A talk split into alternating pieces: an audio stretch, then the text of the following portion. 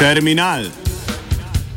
Vedno različni, nikoli isti, reš kolumnisti, isti, isti, isti, isti, isti, isti. Prve posledice britanske odločitve o izstopu iz Evropske unije so bile zelo očitne. Britanski funt je v razmerju do dolarja padel na najnižjo raven v zadnjih 30 letih, to pa bi lahko vplivalo tudi na naraščanje cen v državi. Tudi vrednost delnic britanskih podjetij je padla za nekaj deset odstotkov, analitiki pa Britaniji napovedujejo recesijo. Mnogi Britanci, tudi tisti, ki so glasovali za osamosvojitev Velike Britanije, kaj takšnega niso pričakovali. Ob tem pa država prav tako ne bo privrčevala domnevnih 350 milijonov funtov, ki naj bi vsak teden odhajali v EU in bi jih po oceni zagovornikov Brexita bilo bolje vložiti v britansko zdravstvo. Že odstopljeni vodja UKIP-a Nigel Farage je namreč po referendumu prostodušno priznal, da, se številkah, uh, da so se pri teh številkah pač zmotili in da tega ne bi smeli reči. Kljub temu pa zadeve niso samo črne. Čeprav je odhod Velike Britanije velik udarec tako za EU kot za vlogo zahodne institucije v vse bolj multipolarnem svetu, Nekateri analitiki opozarjajo tudi na dejstvo, da je odhod Velike Britanije iz EU tudi priložnost za nujno potrebne reforme, ki se brez odhoda Velike Britanije še dolgo časa ne bi zgodile.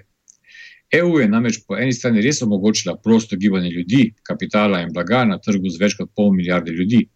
Tudi po drugi strani EU vodijo slabe institucije, gospodarstvo pa temelji na slabo domišljeni skupni valuti, zaradi katere trpijo milijoni ljudi ker pa je bila Velika Britanija del EU in ne območja evra, so britanske odločitve doslej blokirale večje povezovanje evropskih institucij, kar pa je za območje z isto valuto nujno. Tudi zato je osem let po začetku krize nezaposlenost v Španiji in Grčiji še danes zmeraj nad 20 odstotki. Znani ekonomist Milton Friedman je že leta 1997 pojasnil, zakaj je evro slaba ideja. Z različnimi valutami lahko namreč države v primeru kriz devalvirajo lastno valuto, s tem pa pocenijo izvoz in zmanjšajo vrednost dolga. Če tega mehanizma ni, potem je mogoče zmanjšati dolg samo z večjim varčevanjem, predvsem pa zmanjševanjem plač in odpuščanji, kar vodi v recesijo. Od leta 2008 naprej vidimo, da je imel Friedman prav. Če bi imeli lastno valuto, bi Grčija in Španija, pa tudi Slovenija, uporabili devalvacijo za ekonomsko spodbudo.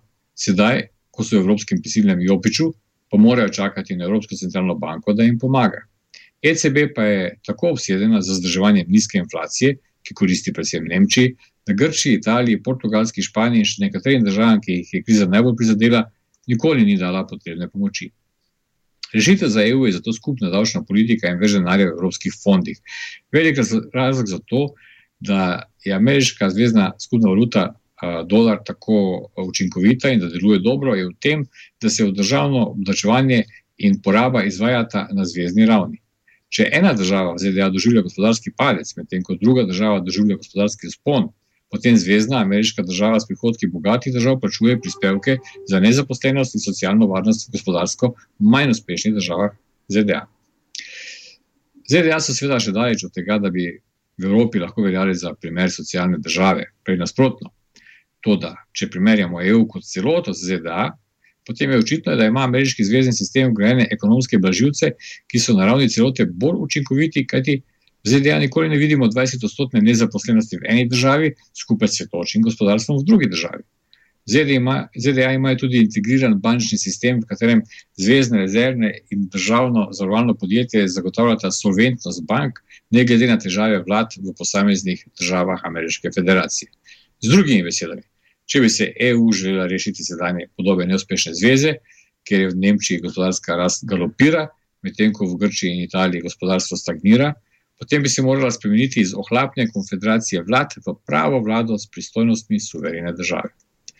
Ta evropski problem pa sploh ni nov, pač pa je v resnici star že nekaj tisoč let. Z istimi držav, težavami kot EU so se srečale vse konfederacije, torej zveze držav, ki so ohranili skoraj popolnoma celoti svojo suverenost. Že prve antične lige, ki bi jim lahko pogojno rekli konfederacije, so pokazali vse navedene slabosti. Ahajska liga ni uspela preprečiti, da ne bi posamezni polisi brez nadzora sprejemali in pošiljali svoje lastne predstavnike v Rim. Njene skupščine so bile kratkotrajne, zvezdna blagajna pa bolj suha kot polna. Leta 2019 so trije polisi tako celo preprosto nehali plačevati svoje prispevke v zvezdno blagajno, ker so bili nezadovoljni s skupnim poveljnikom. Tako da je ligo prizadel finančni mrtvud. Novejše konfederacije srečamo šele v srednjem veku. Prva pomembnejša je seveda Švicarska konfederacija, ki je bila ustanovljena že leta 1292 kot zveza kantonov Uri, Švajc in Nidwalden. Že leta 1536 je konfederacija štela 13 članov. Kantoni v tem času niso imeli niti skupnih vojaških enot, niti blagajne, niti sodstva ali denarja in je žalostno propadla pod naletom Napoleonovih jurišnikov. Po letu 1815 je 15 članov konfederacije znova sklenilo medsebojno pogodbo. Skupni organ je bil zvezdni zbor, v katerega je vsaka članica delegirala enega delegata, ki je moral glasovati po inštrukcijah svoje vlade, medtem ko so vojsko sestavljali kontingenti.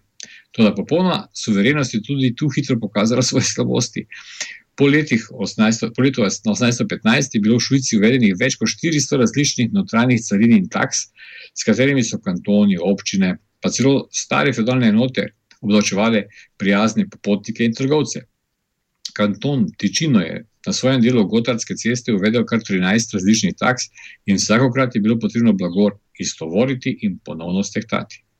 Proizvajalci tekstila iz St. Galena so zato svoje blago raje pošiljali v Ženevo kar preko Francije, ko pa so trgovali z Italijani, so svoje transporte raje pošiljali preko Tirolskega Brennerja, kot pa preko domačega Gotarda.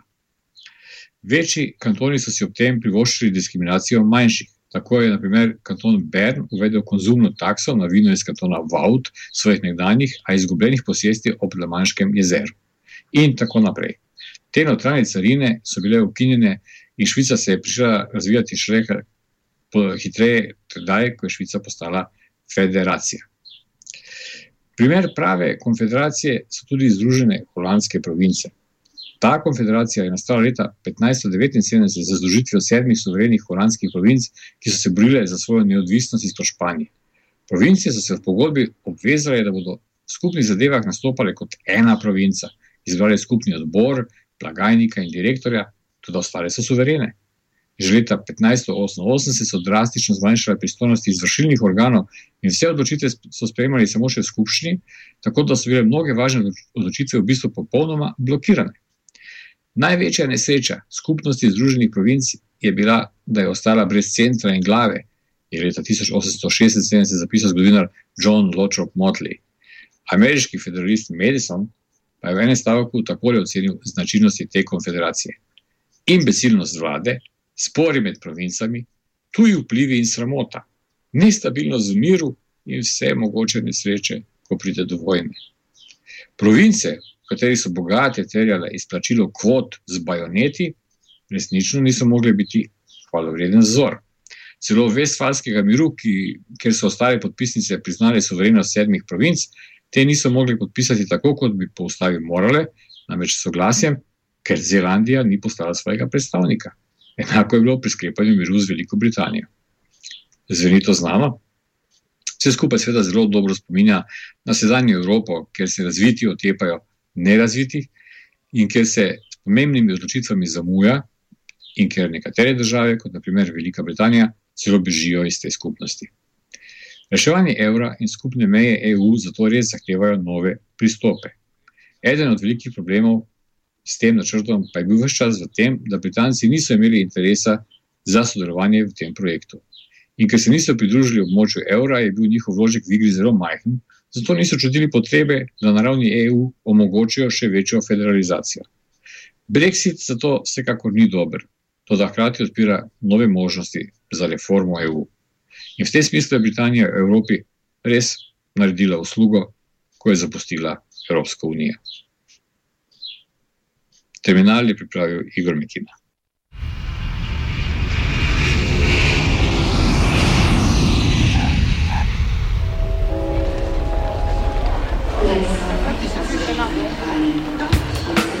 Terminal vedno različni, nikoli isti, reš kolumnisti, isti, isti, isti, isti, isti. isti.